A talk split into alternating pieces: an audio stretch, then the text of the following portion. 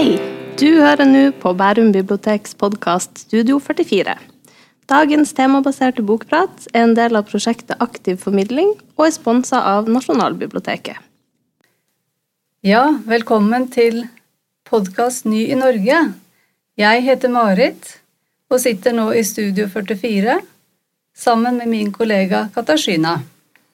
Ja, hei. Jeg heter Katarzyna. Og i dag skal vi snakke om bøker som passer fint for Ny Norge-gruppa. Det er de menneskene som holder på å lære seg norsk. Disse bøkene har vi også lest sammen med våre deltakere på Digital språkkafé. Å lese bøker er en viktig kilde til både glede og språktrening.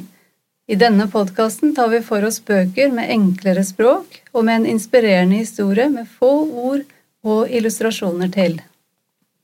Katarzyna, jeg tenkte at du kan få lov til å presentere en av bøkene. Hvilken bok skal du snakke om først?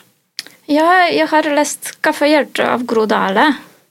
Har egentlig tenkt å lese fra boka. Elisabeth drikker kaffe med moren. De sitter på kjøkkenet med hver sin kopp. Litt å våkne på, sier moren. De ser på avisa sammen. De ser ut på veien. Av og til snakker moren, av og til er de stille. Kaffehjertet handler om en voksen dame som heter Elisabeth. Hun bor fortsatt med moren sin. På jobben til Elisabeth er det en mann som Elisabeth kaller for Falken. Han jobber på lager og holder seg litt for seg selv. På julebord prøvde Elisabeth å snakke med ham, men da så han en annen vei, og så gikk han. En dag på jobben spør en kollega i kaffen. I Elisabeth sin kopp kan hun se et brunt, halvt oppblåst kaffehjerte. Det betyr kjærlighet, og da begynner Elisabeth å lure på hvordan får man kjæreste. Hun har aldri hatt en ordentlig kjæreste før. Nå vil hun leve sitt eget liv og ta sine egne valg. Nå skal jeg lese igjen fra boka. Elisabeth drikker en ekstra kopp kaffe.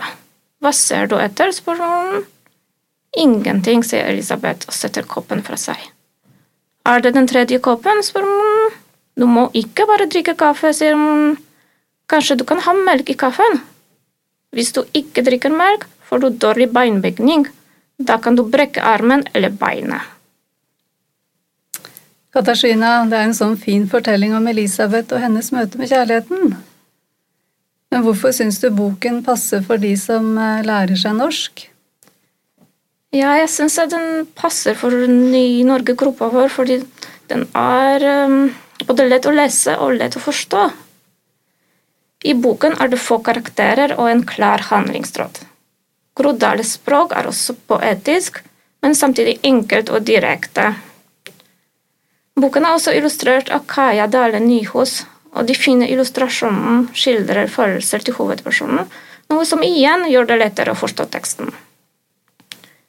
Noen sider har en del tekst, andre har mest bilder. Og det kan vi også si om den neste boken vi skal snakke om. Den heter Alt som er nytt og er skrevet av Anna Fiske, og er også en bildebok for voksne. Marit, kan du fortelle hva denne boka handler om? Ja, det er som du sa, en bildebok for voksne. Og den kan passe fint spesielt for voksne personer som skal lære seg norsk. Boka handler om en familie som skal flytte fra noe kjent til noe nytt. Temaet i boka handler om hverdagen og det å flytte til en annen bolig og å bytte jobb. Hvor skal man finne tryggheten? Vil man finne den igjen? Det viser seg vel for de fleste at vi mennesker er flinke med overganger, og at det meste går bra. Temaet å flytte vil nok mange kjenne seg igjen i. For noen så dreier det seg om å flytte fra et annet land til et nytt, en annen by, eller bare til en annen del av byen. Som sagt så handler boka om en liten familie som har et trygt og fint hjem og gode naboer og nå skal de flytte til noe nytt og ukjent. Samtidig skal også den unge kvinnen i familien skifte jobb. Vi blir kjent med hovedpersonen gjennom hverdagen hennes, med mann og barn. Hun vil også gjerne høre til på den nye arbeidsplassen og trenger å finne sin plass der. Etter hvert så får hun god kontakt med en kollega som gjør at det blir lettere å bli kjent med det nye. Barnet i boka er nysgjerrig på alt det nye og hjelper på en måte moren med å se gleden over alt som er nytt. Barnet peker og ser nye ting ute i naturen, en sommerfugl, skyer på himmelen, et blad Å ja, jeg husker da vi leste denne sammen med våre deltakere på Språkkafeen. Det ble en sånn fin diskusjon rundt dette med å flytte fra noe kjent til noe nytt. Vi snakket om det som skjer med oss når vi bytter jobb eller flytter til en annen by eller til og med til et helt nytt land. Som du sa, Mari, så er dette et tema som mange kjenner seg igjen i. Anna Fiske har samarbeidet med Foreningen Lesersukkerbok da hun skrev denne boken. Og dette kommer fram ved at teksten er konkret med enkle setninger. Noen omslag i boken er bare bilder, og de flotte illustrasjoner skildrer følelser til hovedpersonen. På en av våre språkkafeer hadde vi også en samtale om naturen som er så fint tegnet i Anna Fiske sin bok. Her er trær som går igjen, og årstider og sommerfugler. Også i den siste boken Marit skal presentere i dag, står naturen sentralt. Eh, ja, Katarina, det gjør den. Jeg skal snakke om Under polarisen av Line Renslebråten. Dette er jo en faktabok om området der isen møter havet i Arktis. I denne boken blir man kjent med dyr som bor under polarisen, og et av de mest interessante økosystemer i verden. Alt fra små planteplankton, dyreplankton, ulike fiskearter til store pattedyr som isbjørn og sel. Man får også et innblikk i at alle organismene er avhengige av hverandre. Renslebråten tar for seg de ulike årstidene under isen, og hvordan plankton og dyr lever. Det er gode beskrivelser av de ulike organismene i Polhavet, og man får mye kunnskap om dem. Jeg skal lese et lite utdrag fra boka. Fisk i kulden. For å overleve i det kalde Polhavet kreves spesielle egenskaper.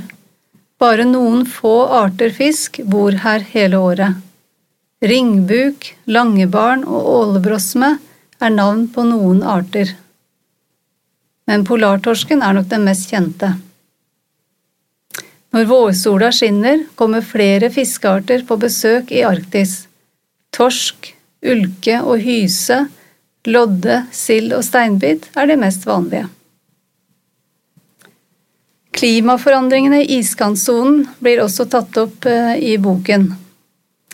Økosystemet er sårbart, bl.a. vil økte temperaturer føre til at isen smelter, og det vil påvirke livet for alger og plankton og andre dyr. Forfatteren formidler også at det å være opptatt av og ha kunnskap om mangfoldet i naturen kan skape et ønske om å bevare den. Og det høres veldig interessant og aktuelt ut. Eh, hvorfor syns du at denne boka passer for Ny Norge-gruppa? Eh, den har en enkel tekst, og setningene er relativt korte. Den har også faguttrykk som blir forklart, og leseren får kjennskap til mange nye ord og begreper som omfatter Arktis og livet i Polhavet. Det er eh, mange illustrasjoner, og de står også godt til teksten. Eh, og med dette så takker vi for oss for denne gangen fra Studio 44. Følg med på våre hjemmesider og sosiale medier for å høre på den neste podkasten. Velkommen også til vår språkkafé i Barom bibliotek.